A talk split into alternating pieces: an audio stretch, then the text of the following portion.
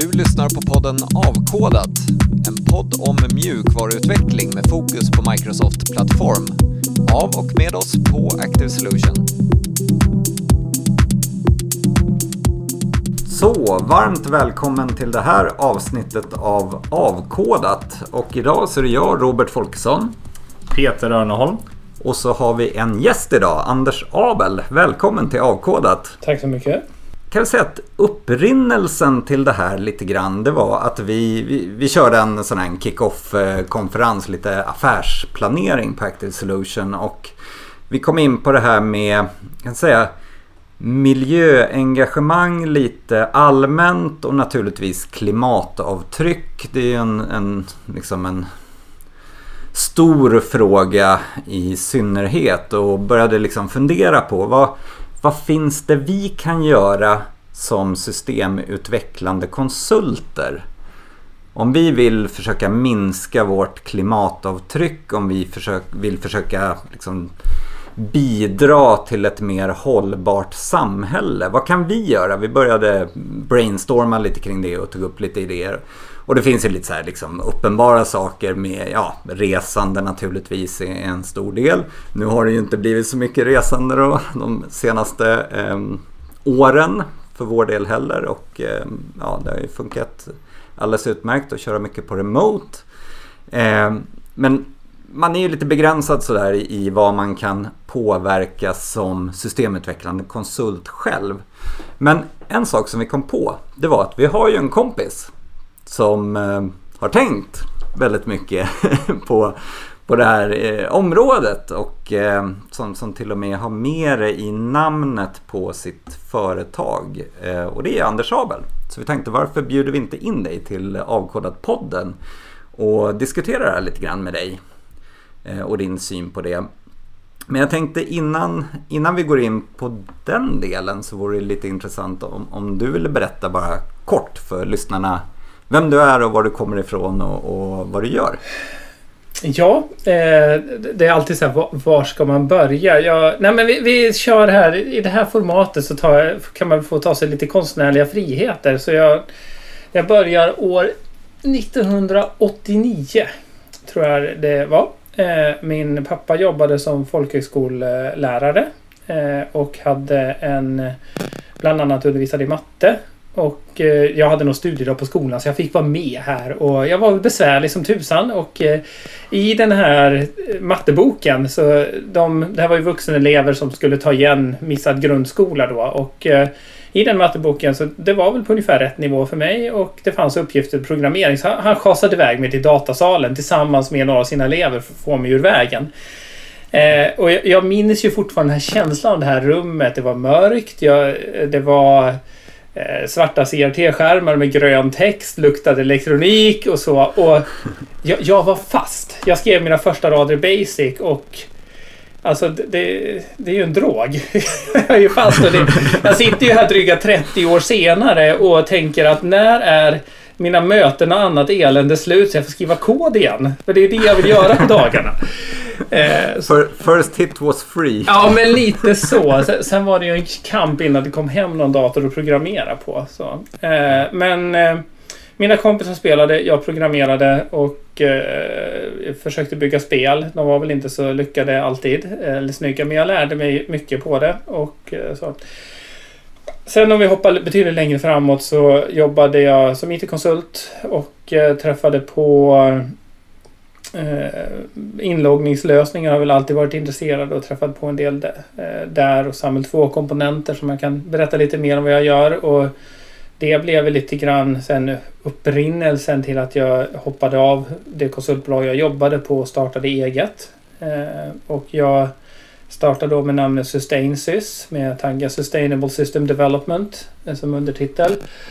Och, och tanken var mycket så här, men jag vill håll, hitta en hållbarhetsstrategi och hållbarhet ni pratar om här är en viktig del. Jag har inte flugit en eh, gång med Sustainsys. Jag har åkt en hel del tåg. Jag har åkt eh, Finlandsfärja och så vidare. Men det går rätt bra att ta sig runt i Norden som jag har gjort med utan att behöva flyga. Det går fantastiskt bra att jobba på distans. Eh, jag har kunder eh, i, eh, runt om i Sverige, Europa, eh, Israel sitter ett gäng som jag jobbar mycket med och förstås i USA en hel del. Så att det, det, det, fungerar trots att jag inte sätter mig på ett flygplan. För, för pratar vi utsläpp och vad man kan göra som IT-konsult så det där flygandet som vi många gånger ägnar oss åt och konferensresor och så det, det ger väldigt mycket direkta klimatutsläpp. Mm. Eh, men sen är det hållbarhet för, för mig i bredare perspektiv också. Med att det ska vara en hållbar livssituation. Jobba lagom mycket. Ehm, och sen inte minst open source som jag har jobbat med. Att så här, öppen källkod. Hur kan jag hitta en hållbar affärsmodell runt öppen källkod där jag jobbar lagom mycket, jag försörjer mig och har en, alltså, jag har en marknadsmässig inkomst. Mm.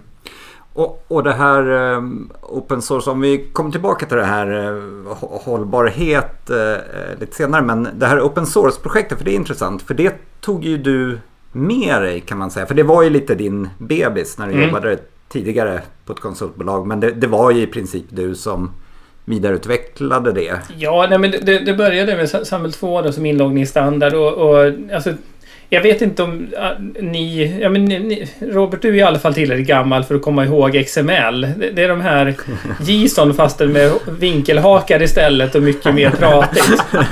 ja, jag, jag, jobbar fortfarande med API management, vet du. Där är policies i XML. Man, man, man kommer inte undan det. jag beklagar. men eh, i alla fall så, så, eh, så upp det ju XML-baserad standard eh, för inloggning, single sign-on och används mycket. Jag träffade på det inom vårdsektorn och insåg att det fanns inga bra lösningar då när vi höll på i ett uppdrag för ASP.NET. Eh, de lösningar som blev rekommenderade var oftast att sätt en Shibboleth Apache-baserad proxy framför som hanterar Samuel eh, SAML 2-handshaken. Och sen började jag titta på nej, men hur fungerar resten? Alltså Facebook login, Google login, OpenID Connect och så här. Men det finns ju färdiga paket för ASP.NET som jackar helt in i vad, vad eh, den modell som finns i ASP.NET. Varför finns det inte för Samuel 2? Och så här, nej, jag bygger ett. Så det började som ett internprojekt och sen så fick det publiceras som open source. Och gjorde, där är en grej jag kan rekommendera för andra konsulter. Att man tar ett projekt som vi hade gjort för kund. Det var kundspecifik kod. Sen gjorde jag en rewrite på den. Det går mycket fortare andra gången, det blir snyggare andra gången, eller hur? Mm. Sen, när, sen när kunden kommer tillbaka och vill ha en utökning säger vi att ah, vi har den här open source-plattformen här som vi gärna vidareutvecklar med. Det. Den är bra, stabil, bättre än den kodbas ni har. Men då betyder det att den är ju licensierad så att allt vi gör där måste ju gå in. Och det blev väldigt motorn. Så att det mesta av det här Samhäll 2-biblioteket är ändå på något sätt utvecklat som konsultuppdrag i någon form. Eh, och där där jag kan känna så här offentlig sektor i det här fallet att de får dela med sig av det som ändå finansieras skattemässigt. Det, det är väl bara fair och bra. Mm, det känns rimligt. Ja. Man, kan, man skulle kunna önska att det sträckte sig till andra områden inom offentlig sektor. host, skolverksamhet, host, host. Ja, jo. Eh, öppna skolplattformen är väl en annan liten spännande. Där. Men, nej, men det, så det gjorde vi. Men, men det var tydligt att det var i namnet av liksom, det konsultbolaget jag jobbade. Och sen, sen valde jag... Jag såg att det här hade potential. Eh, men det var en... Som, för ett större konsultbolag var det en ganska annorlunda affärsmodell. Att jag kan säga att mm. ett vanligt uppdrag jag gör nu runt support är att hjälpa någon att skruva in det här. Det handlar om några timmars mm. jobb. Och, och, mm. det bolaget var inte riggat för att kunna sälja sånt och framförallt inte en amerikan, ett amerikanskt bolag hör av sig och vill köpa några få timmar. Hur, hur gör man det på ett vettigt sätt?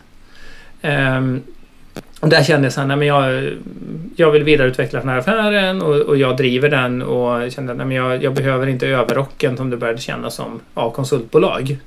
Jag hade mm. jobbat som konsult nio år och det, jag är väldigt glad att jag jobbade på ett etablerat konsultbolag i många år och lärde mig liksom konsultyrket. Men mm. kände jag att jag, jag skulle prova på egna ben.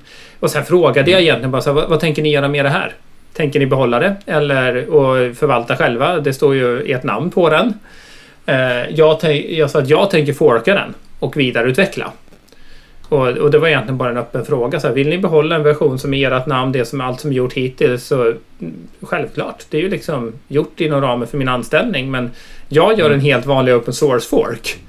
och förvalta. Mm. Men de, de sa ju så här, nej det finns ju ingen annan som har intresset att ta vidare. Så då är det bättre att vi slussar över så att de inte sitter med legacy-version.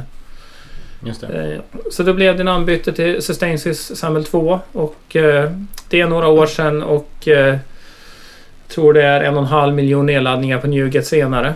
Det är häftigt. Ja, verkligen. Mm. Jag, jag- jag skulle vilja säga att när vi byggde Active Log- Login så var det med lite inspiration utav eh, Sustainsis Samhäll och, och ja, ga- gamla varianten också Mm. som, som vi Mm. har använt. Så, att, eh, så, så du, du har varit en inspiratör för, vad gäller open source lösningar lite grann för oss. Ja precis och där är ju, det är ju intressant som du säger just med den här hållbara utvecklingen att eh, eh, ju, ju mer jag har läst diskussionerna och också börjat delta i diskussionerna kring open source inser man ju att det är eh, eh, det är inte det är inte en solklar väg framåt hur, hur open source kan vara en, en hållbar väg. Eh, men det finns möjligheter just, just att eh, som du säger hitta saker runt omkring. Eh, att, att, eh, ofta så har man ju har ju de vi arbetar med eh, alltså att ratta in BankID är liksom en del av ett större eh, en större problemställning kring kanske liksom identitet och säkerhet och sådär. Liksom där, där. Och som du säger så eh, det är min känsla också att när man har skrivit några BankID-implementationer, jag kan, lite som du benämner det med Samhäll 2, att de blir ju bättre och bättre varje gång och eh, vore det inte bättre då att eh, alla gagnas av det här liksom. Mm. Eh, att, att få en bättre kärnprodukt i, i så att säga. Jag kan säga att det finns ett antal säkerhetshål i eller fanns i de tidigare versionerna några standardfällor för Samhäll 2 som jag hade gått i med XML signature wrapping attacker till exempel som, som inte hanterades korrekt. Och där eh, ja, det tätades upp tack vare communityn och det ledde vidare. Det, eh, när jag sen började analysera det på djupet och lära mig mer så det slutade faktiskt med patchar till .NET Framework därför att jag hittade att hålen var där när, när mina testcase inte gick igenom. Så att det var någon Windows Update som gick ut för något år sedan som var, eh, var baserat på saker jag hade rapporterat in i XML-signaturprocessningen där. Vad häftigt. Det är, det är lite bucket list eh, känsla på det nästan. Och jag, jag, har även så här, ja, men jag har en MS16-032 eller vad den hette. Så att, Ja, Jag minns Den inte var exakt. Den, den var min. Eh, så, ehm, nej, och det var en erfarenhet att få, få ut den. Och Sen, sen har jag också rapporterat till eh, i samband med det faktiskt till mängder av konkurrerande open source-lösningar där eh, jag tittade på hur gör de och hur hanterar de det här och hittade att Mm.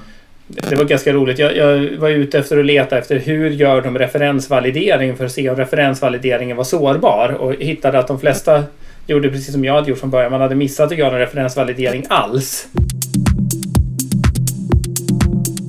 Men, men hållbarhet absolut. Så här, open source, hur får vi det att funka? Det, det är ju en utmaning och det är ofta ensamma maintainers som sitter och jobbar. Ni är ju ett företag, men hur gör de som Mm.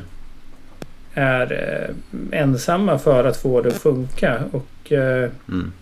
det är inte lätt. Tillbaka där till, till det du lyfte upp där att även för ett företag kan det vara svårt. Jag, jag menar för våran del, det är ju inte en stor del utav våran affär. Vi gör ju, vi kan ju få kontakt med nya kunder därför att vi kan erbjuda hjälp med det här open source-biblioteket. Men det, är ju ingen, det blir ju aldrig någon liksom volym i våran affär. Men vi är ju tillräckligt små för att kunna göra det därför att vi brinner för det. Mm. Vi bestämmer ju lite själva vad vi vill, vad vi vill göra. Vi tycker att det, är- det är kompetensutvecklande, det är utmanande och det är kul att driva open source-projekt. Mm. Men kanske ett, ett lite större bolag mm, kanske inte riktigt tar hänsyn till, eh, till riktigt samma parametrar. Eh, Och då är man tillbaka till det här med eh, individuella mindre contributors. Ehm, Och en intressant parallell där det är ju det som har hänt med Identity Server nu, Mm. tycker jag. Och det, det, det, där kan jag väl säga att jag, jag, jag känner ju Brock och Dominic eh, väl och vi samarbetar en hel del och jag jobbar, ska väl även säga att jag jobbar bitvis åt Duende. Eh, och eh, hjälper dem med eh, där. Så att jag... vi, vi har pratat mycket och jag och Dominik, eh, eller framförallt Brock har pratat mycket om den modell jag började med. För jag, jag gick ut med det här supportavtal och hur den modellen såg ut några år innan de började. Eh, de gick ut och valde spåret sponsring. Eh, de har ju släppt mm. sina siffror lite grann nu men jag kan se att deras produkt är större än vad min är men jag drar ju in motsvarande mängd pengar ungefär. Att jag... Ja men säga att jag eh, någonstans 70 100 000 per år är support, som jag drar in av miljonen ungefär jag omsätter i Sustaincy. Så knappt 10 procent mm. är supportavtal på Samhäll 2-produkterna. Mm. Eh, och det är ändå det är en relevant inkomst. Eh, mm. Sen är det ju få som ganska få som väljer att köpa de tjänsterna tyvärr. Det, det är väl så här, jag kan säga att jag önskar att fler, fler som använder komponenterna signar upp ett supportavtal. Dels för att man får, man får service själv. Och det går mm. väldigt mycket fortare. Istället för att sitta och stånga sig blodig liksom veckor med någon som jag har haft kunder som har gjort med parameter och sen så här, jag känner igen det här och en halvtimme senare är det löst. För jag har, jag har varit där. Mm. Ehm, men också support åt andra hållet. Man supportar och säkerställer att de här komponenterna man är beroende av faktiskt finns kvar. Mm. Precis, och det är ju alltså långsiktigt är det mm. superviktigt.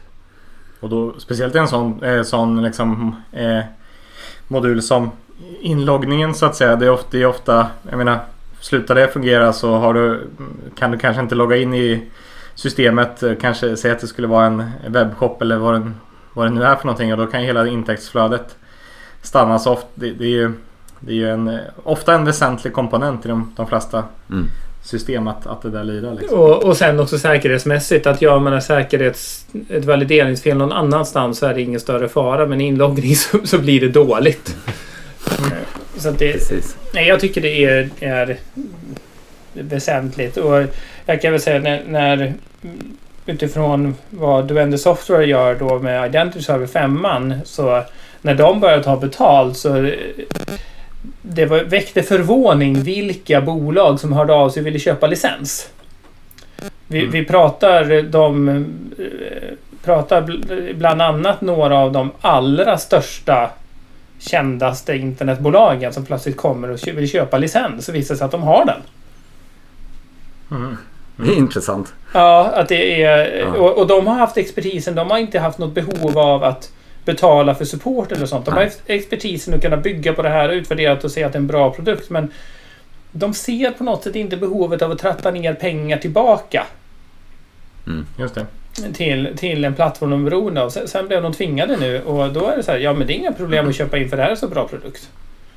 Var det inte lite, jag såg någon kommentar också tror jag från, från, det, från Identity Server-teamet just att sådär eh, Rent formaliamässigt i den där typen av bolag så är det så här hur, hur, Om man ska sponsra ett open source-projekt det är så pass Det kan vara så pass eh, ska säga ovanligt så man vet inte riktigt nästan vilken post i bokföringen man ska lägga under. Men att köpa en licens för en IT-mjukvara det har man gjort i, sen, sen datorn kom liksom. Så, mm. där, så det, det, kan ju vara en sån sak att det, det, det, kan vara mycket lättare för någon att köpa en, en licens. Liksom. Ja, och, det, och det är sant. Och det, det, var en viktig del som jag, när jag satte upp Sustainsis också, ville börja ta betalt för konsulttjänsten. Att jag började titta på så här, okej, okay, jag vet ungefär vad är minsta möjliga liksom, pengar att jag måste få av en kund för att det ska vara värt att engagera mig i en kund. Det måste vara motsvarande ett gäng timmar timmars mm. jobb för att det, det liksom ska vara värt med administration och fakturering och allt vad det är.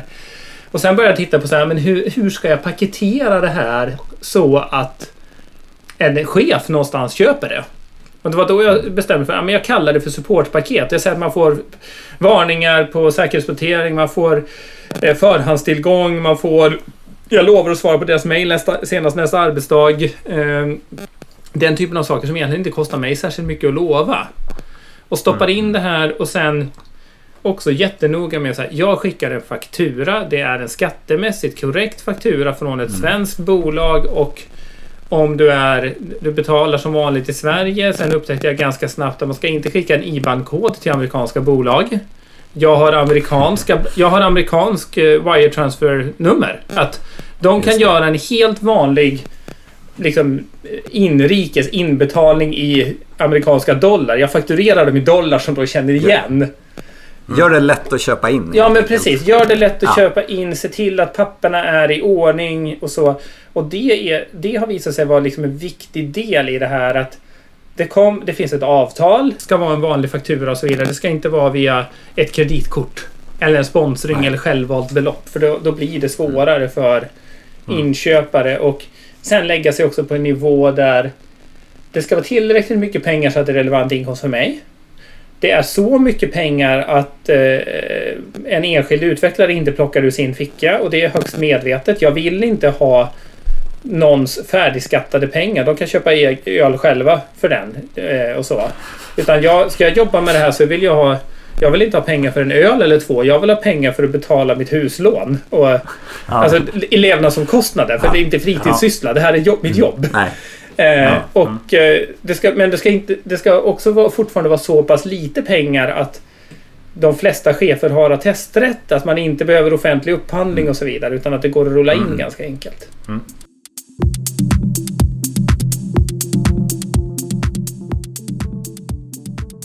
Jag kan säga att vi har uppehållit oss en del kring det här med hållbar open source-utveckling kan vi väl kalla det för. Kan vi, Absolut. ehm, ska vi switcha lite grann till...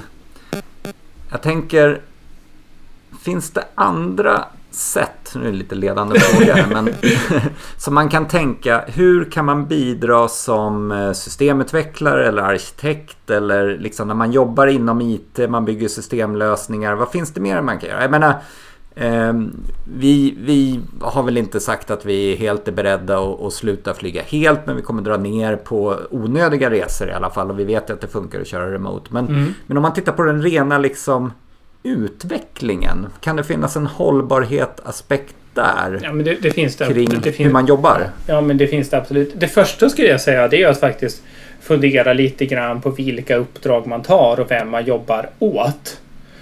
Nej, men att man funderar, funderar där. Eh, det finns kanske branscher som man in, inte vill engagera sig i. Jag, Mm. jag till exempel skulle eh, tacka nej till uppdrag för tobaksindustrin om jag Mm. så, så Mm. länge jag har andra alternativ att försörja mig så skulle jag tacka nej till det.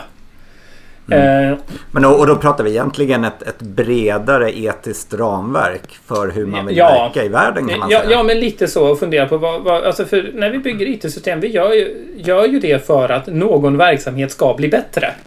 Och denna Mm, verksamhet som vi vill försöka få bättre, är, den, är det en bra verksamhet eller inte? Mm. Ehm, och, och framförallt om det kanske är så att man syftar till att öka säljmål. Att en sak är om man, även som jag bygger en säkerhetslösning, att även saker som jag tycker vi ska minska på måste ju fortfarande vara säkert med, med flygande. Eh, är att Mm. det måste vara säkert. Och det kan hjälpa till med att det är säkert men jag vill inte vara del i att göra så att flyget expanderar. Eh, sen, sen en annan sak som är faktiskt rolig, det är prestanda. Alltså det är hur mycket datahallarna drar i ström för att programmerare är klumpiga. Om man kastar st större hårdvara på det istället för att implementera smart kod. Mm. Och, vi, och vilken ström de drar kanske också.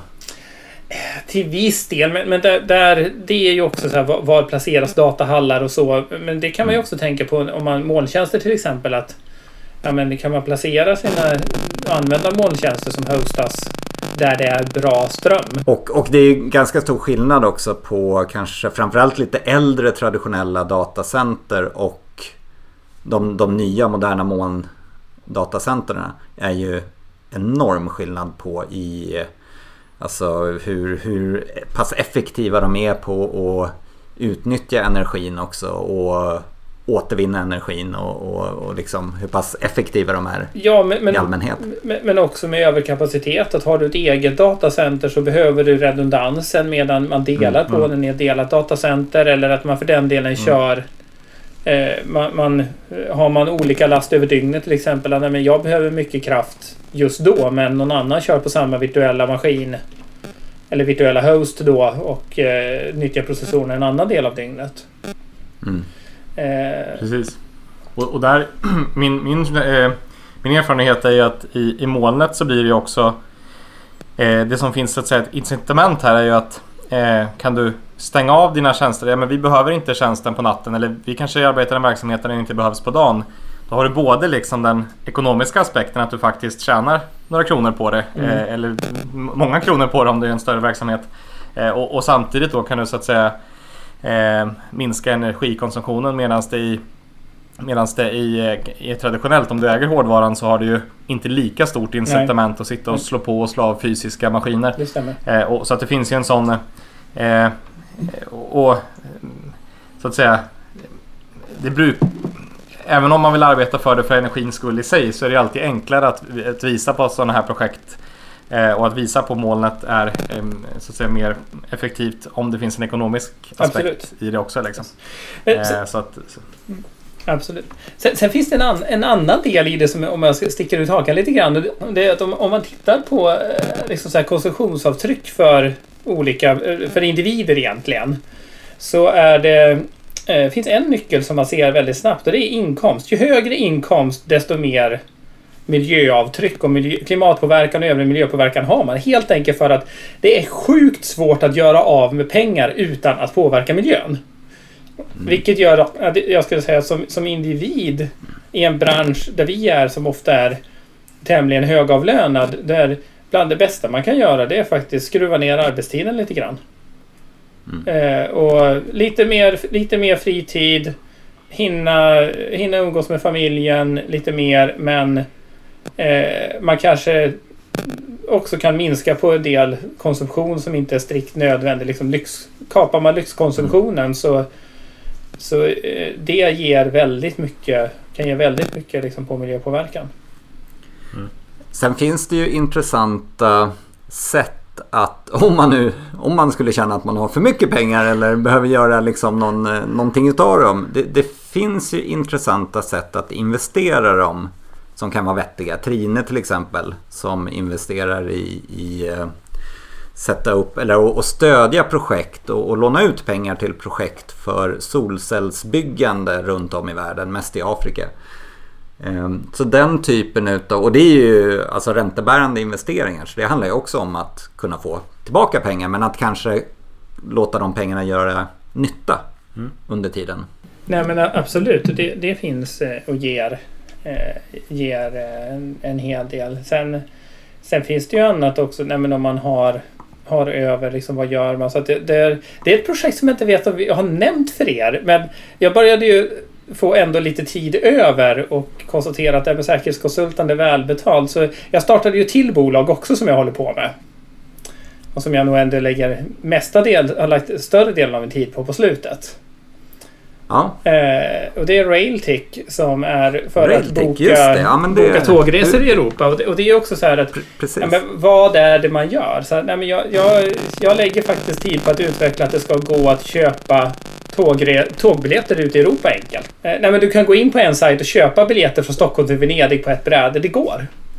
Ja, Jag såg er på, jag känner väl till jag såg er på Nyhetsmorgon va, för Mm. inte allt för länge sedan. Rätta mig om jag har fel men vi- visst var det så att det, det var lite sådär i, nästan i lanseringsskedet när pandemin slog till?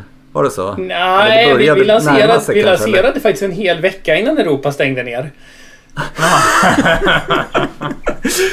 Det var värdelöst. Eh, och vi, vi dras ju fortfarande av det. Att, att vi ser ju att de prognoser vi hade på hur, hur tågresande skulle växa och så vidare år från år, det har inte infriats. Och, eh, Nej. det, det är Nej. väldigt lite resande, det är väldigt lite långväga resande och tågresande behöver bokas med ganska lång framförhållning för att få plats på nattåg i Europa till exempel. Och det gör att, alltså, som det har varit nu, man vill ju inte boka med framförhållning. Folk vill ju boka Nej. helst fyra dagar innan eller något sånt där när man vet att det ser ut som att det fortfarande är öppet, att vi kommer iväg och också kommer hem.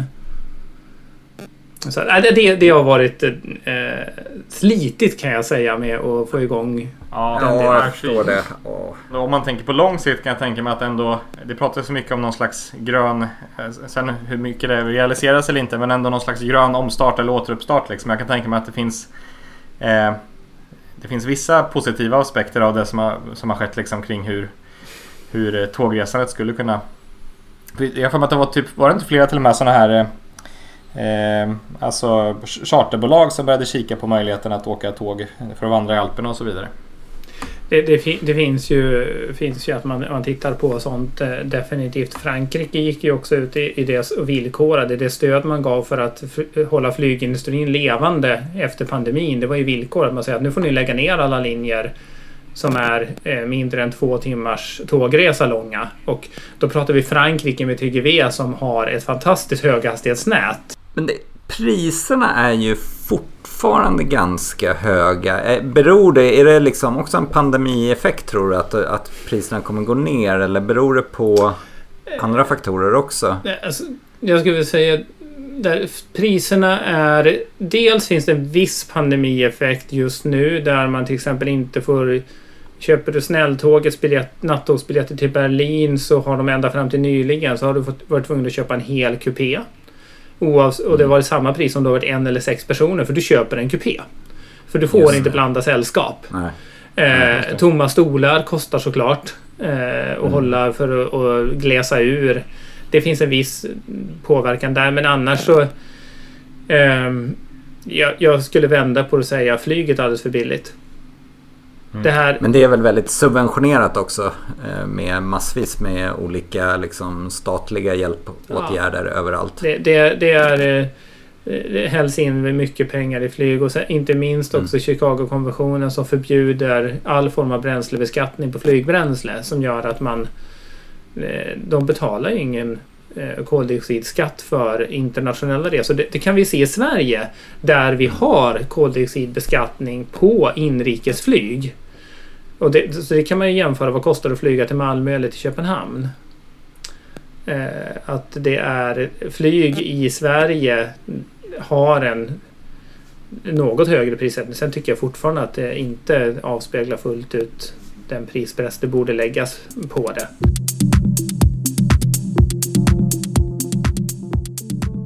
Jag tänkte på en sak när du nämnde skatt också. Mm klimatkompensation. Vad är, vad är din uppfattning om, om det ämnet? Um, om jag ska vara vass, moderna tidens avlatsbrev. Um, mm. Vi ser till exempel nu att uh, i uh, Eh, är Oregon där vi har skogar som brinner som var planterade som klimatkompensation. De var planterade med löftet att de ska stå här i hundra år och suga upp koldioxid och sen ska träden bli hus eller något annat som binder kol. Och de brinner upp efter fem år. Eh, det, det handlar också om att eh, Klimatkompensation säger ju att jag ska kunna fortsätta göra något dåligt. Alltså att jag släpper ut fossilkol mot att någon annan in, eh, eh liksom, slutar istället för mig. Eh, och, och den, den hamnar ju också lite grann i att eh, Ja, i början när vi ska minska utsläppen de första stegen då kan jag ju betala någon i ett annat land att kanske konvertera sin kolspis till el. Jag köper en elspis till dem. Eller Trine är ett bra exempel där man minskar utsläpp för att få ner fotogenförbrukning. Eh, och det, det, är ju ett billigare sätt. Men sen i slutändan så här, vi, vi ska ner till nollutsläpp. Vi kan mm. inte släppa ut något fossila bränslen och det betyder att jag kan inte det finns, ingen, någon an, det finns ingen annan som har liksom en andel fossila utsläpp som jag kan köpa av dem för de ska också ner på noll. Mm. Så, så att, Men nej. man kan ju eh, dra ner sitt avtryck och överkompensera. Det, det kan man göra. Jag ska inte säga att alla projekt är liksom dåliga, men jag skulle nog säga att man, man behöver vara där. Vi behöver mm. både dra ner utsläppen och överkompensera. Och alltså situationen vi står inför nu är så oerhört allvarlig klimatmässigt jämfört med vad de allra flesta inser. Att eh, jag skulle rekommendera att läsa boken eh, Den obeboeliga jorden eller Uninhabitable Earth av David Wallace Wells eller för den delen eh, Six Degrees Our Final Warning av Mark Linus som är eh, riktigt bra vetenskapligt genomgångna rapporter. Och, eh, och, men sammanfattade på ett sätt och de ser systemen och pratar om dem. Eh, en grej som man säger så här, ja men vi får lite, min, lite mindre nederbörd. Okej, okay, några procent mindre nederbörd. Ja, men det, det, låter inte så farligt tills man inser att hela mellanvästern i USA ligger på gränsen för att klara veteodlingarna. Det här är liksom ett av de tre stora veteodlingsområdena i världen som försörjer världen med livsmedel. Kraschar mellanvästerns veteodlingar, då kraschar den globala livsmedelsmarknaden till stor del. Framförallt om Västeuropa eller Ukraina kraschar samtidigt. Det är de tre stora som finns. Eh, och, och, där finns det alltså systemhotande på ett sätt som jag, jag blev... Jag, jag sov ganska dåligt när jag hade läst de där böckerna.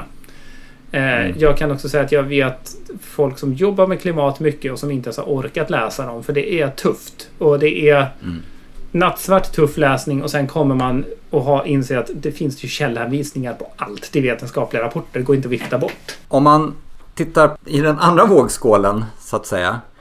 Eh, ser du ändå det här att det ligger ju en enorm satsning från eh, liksom alla stora techbolag eh, enormt duktiga vetenskapsmän och utvecklare och ingenjörer som gör väldigt mycket nu i form av extremt innovativ teknik som ligger i den andra vågskålen.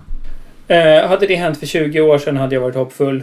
Men i, i, i dagsläget är vi i en situation vi i Sverige skulle behöva skära våra utsläpp 16 procent per år närmsta åren för att klara att hålla oss inom Parisavtalets koldioxidbudget. Eh, då ska vi säga att Parisavtalet är ändå så här, det är fortfarande så här en 30-procentig chans att misslyckas. Det är, inte, det är inte mer bättre odds än så som alla in i Parisavtalet. Eh, vi skulle behöva skära oerhört hårt och det gör att tyvärr, vi har varit senfärdiga. Att mm. eh, det finns inte möjligheten att invänta ny teknik. Eh, om vi tittar mm. flyg som vi har pratat om till exempel. att eh, Flyget är i en situation att ja, det, det, kanske kommer elflyg eller batteriflyg men innan det kan ta över en, komma i en tillräckligt stor skala. Så vi kommer att behöva ha ett, några decennier nu där vi i princip slutar flyga. Tyvärr, så är det. Vad det gäller transportsektorn så i övrigt biltrafik, vi elektrifierar hårt. Eh, men det är fortfarande så att det, det säljs ju fler bränsletörstiga SUVar än vad det säljs elbilar.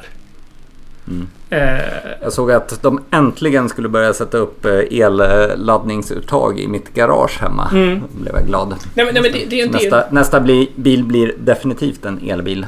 Nej men det är en del av det att, att komma, komma dit. Men, men vi, vi står ändå inför att Även el, elektrifiering av personbilar är en av de sakerna som har kommit hyfsat långt fram och det mm. finns elbilar att köpa men även där så räcker inte teknikutvecklingen och tempot i teknikutveckling utan vi kommer att behöva minska totala körsträckan på bilar. Mm. Och göra det ganska hårt. Att, uh, Trafikverket sa för 2013 tror jag var, sa de att vi måste att ungefär en tredjedel löser vi med biobränslen, en tredjedel att gå över till el och en tredjedel måste vi sluta köra. Mm. Men, men jag får frågan om teknikutveckling. Så här, det sker fantastiskt mycket bra grejer. Men mm. det levererar för sent i förhållande till den koldioxidbudget vi har. Kör vi på som vi gör nu utan att minska. Vi, vi har tack vare pandemin hjälpligt planat ut.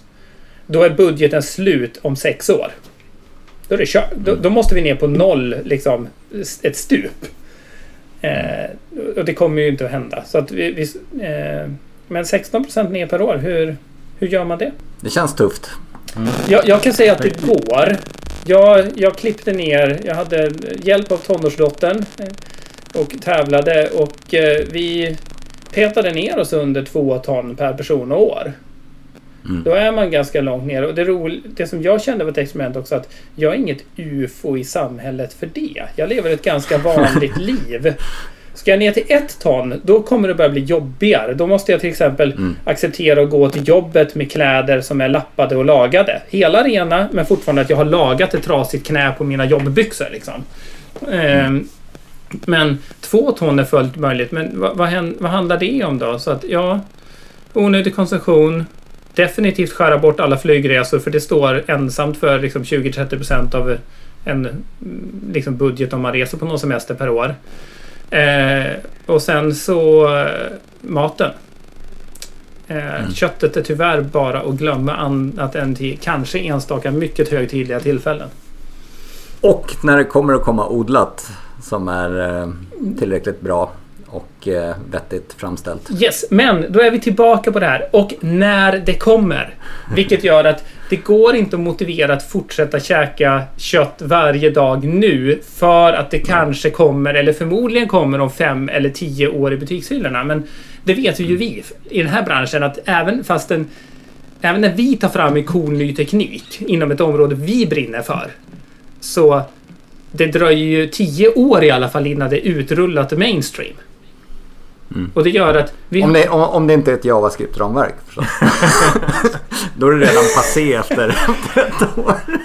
Lite så, fast du har ju fortfarande alla dessa myndighetssajter och stora företagssajter och så som fortfarande knappt har upptäckt att man kan köra JavaScript. Ehm, ja, det, det var en sak som tillbaka nu när vi halkar tillbaka lite grann i teknikspåret Mm. som jag undrade över med, med Railtick. Ja. Jag antar att ni, det ni har gjort väldigt mycket är att integrera mot väldigt många olika Ja, API-er ute i Europa. Faktum är att det är, vi, vi går på en GDS, alltså Global Distribution Service, alltså det som resebyråerna går på. Det finns och det var det som, Ah, okej. som förvånade mig när jag startade det här och fick börja få läsa API-dokumentation och den. Där det finns flera plattformar som erbjuder ett API för att boka. Eh, Ah, sen, sen däremot att få ett... Det är två delar. En sak är API, sen den andra delen att man ska ha sälj och distributionsavtal där eh, vi fick försäljningsavtal med SJ i eh, våras efter att ha jobbat eh, länge. Och det är inte en självklarhet att de, de är noga med vilka som får sälja deras biljetter. Eh, Men det, det finns och det var väl det som förvånade mig lite att, att det ändå fanns API. Men det gäller att paketera det. Och sen är det också de api man kan göra dumheter. Man kan till exempel sälja på SJ, om vi tar det som exempel. Man kan sälja en första klass nattågsbiljett i Sverige utan att boka av kupé. Det är fullt möjligt att göra det jobbig, API. jobbig resa. Ja, och det, det är också fullt möjligt att göra det i det verktyg som resebyråerna sitter med och jobbar med. Det är också fullt möjligt att göra. Vad jag, jag har hört anekdotvis att det har hänt att någon stackars resenär står Men jag har ju köpt av min resebyrå och konduktören säger nej, det, det står ju inte ens en plats på det står inte vagn och plats på biljetten. Aj, aj. Ja. Eh, och, det, och det här är ju sånt som å ena sidan så när kundservice löser problem så kan man behöva göra en sån biljett man har ett bra skäl. Men eh, det gör att man måste veta vad man håller på med. Så vårat API handlar jättemycket om eller vårat lager på API handlar jättemycket om säljregler. Att det som Railtick erbjuder det är giltiga biljetter. val, valideringen utav hela Ja. kedjan. Ja, ett, ett enkelt exempel man kan se hos oss är att söker man från Köpenhamn, en resa från Köpenhamn till Berlin så blir man nog besviken och ser att den är, dyr jämfört med många rabatterade biljetter som finns. Så tipset där är sök den från Malmö. För så fort du har en svensk anslutning med så, så kan vi låsa upp rabatterade biljetter som bara får säljas med svensk anslutning. Så att det är billigare att köpa en biljett från Malmö till Berlin än från Köpenhamn till Berlin. Just det. Och där är ju, jag ser ju... eh, Jag själv nu när barnen börjar bli lite äldre så ser jag fram emot att få kunna göra någon sån här i- Europaresa som man har hört om att så här ens eh, far och morföräldrar gjorde Mm. när de var unga. Typ åka runt och just att det är ju kanske inte då eh, till skillnad från Eh, typ flyga till, till liksom, eh, södra Europa så kanske då blir det mer resan en del av målet också förhoppningsvis och kanske kunna stanna till lite sådär att det är en annan typ av eh, semester. Men, men eh, jag har hört en del, en, del eh, poddar jag lyssnar på som är ute och reser rätt mycket i Europa med, med, med tåg liksom och att just den här eh, eh, kunna man drömma sig bort när man sitter och kikar ut. Men jag, jag tänker att min son måste bli lite äldre för att jag ska kunna njuta av vyerna ner i Alperna liksom. Men, men eh, utan att behöva springa och leta, leta efter honom i någon kupé någonstans. Men, Ja, eh, det, fin, men det, fin, ju... det finns många som reser barn och, och det går, eh, går bra. Men jag, jag kan väl säga med mina tre barn så det är kanske... Jag, jag kan förstå din känsla Peter. Att eh, det Ja, är en jag har utmaning. Jag har varit, vi har rest till Malmö någon gång och sådär fram och tillbaka med, med och det funkar ju, Mm. funkar ju bra under överskådlig, eh, överskådliga längder på, på tåg. Det, det jag skulle säga med tåg också, jag tycker du är inne på det här med resan i målet, men också det här att om du får ett tre timmars byte på Kölns flygplats, eller om det finns flygplats Mm. i Köln, det, det är ju liksom döden. Får du tre timmars byte i Köln med tåg så har Mm. du en av Europas häftigaste medeltidskatedraler bredvid stationen. Just det. Ja, det är att, sant. Att det här Man att, är ju alltid mitt inne i Ja. staden. Ja, så, så att det är en viktig del att man, man reser och resan blir en upplevelse på ett Mm. helt annat sätt. Mm. Eh, Hur är det med, för jag kan med, det som jag har hört förut har ju varit den här eh, liksom en problematik att resa med långväga med tåg. Att det är eh, alltså flyget tar mer så att säga ett helhetsansvar runt hela världen medan med tåg är det ofta kanske en kombination av olika länders tågbolag och olika tågbolag och så och så blir du en halvtimme försenad och missar, missar nästa tåg. Finns det, kan, har, har ni någon sån liksom att kunna gå in med någon slags försäkring där och lösa, eller hur? flera av tågbolagen i Europa har också samarbeten. Så att Mm. åker du söderut i Europa så skulle jag säga att, att eh, eh, det, det viktigaste är att du kommer med ditt tåg från Köpenhamn.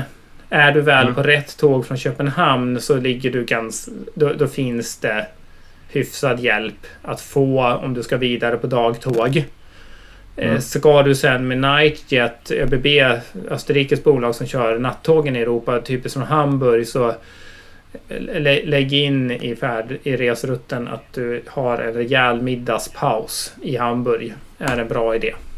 Så att man, Mm. Man har marginal inför de inför långa eh, eller liksom viktiga långa sträckor att man, Mm. man ser till att lägga in pausen, en paus innan där så att man inte springer med andan i halsen. Mm. Men, men annars också så här, det fungerar oftast. Det är eh, det är inte så liksom illa som man kanske först kan tro. Utan jag skulle säga, men, men det här med försäkring, det är en trygghet liksom att om man sitter där att ja, men det finns hjälp att få. Ja, men det är väl som, som med alla reseförsäkringar. Mm. Superintressant ehm, och spännande att få höra om vad du, vad du jobbar med. Både eh, liksom hur, hur du har tänkt hållbart i flera olika aspekter i ditt liv och i ditt arbete och eh, hur du har jobbat med Railtic. Vi ska väl eh, som vanligt, det är otroligt trevligt att bara snacka men vi, vi försöker hålla de här avsnitten till, till under eh, en timme så att vi ska, vi ska väl kanske avrunda där. Det låter bra. Och eh, det kommer definitivt att bli en eh, test då Railtic och ut i Europa och åka någon gång i framtiden. Ni är varmt välkomna. Och det är, right. jag, jag kan säga där att eh, det är spännande saker på gång. Jag kan inte berätta vad, men eh, det Ah, kommer ah, att hända cliff- saker. Cliffhanger. Ja, men absolut. Och den är... Eh, ja, det, är, det är häftigt att vara med där. Grymt. Tusen tack Anders att du ville vara med. Ja, men tack för att jag fick vara eh, med. Tack, för, till, tack också till dig som har lyssnat och vi hörs i nästa avsnitt. Ha det bra. Hej då.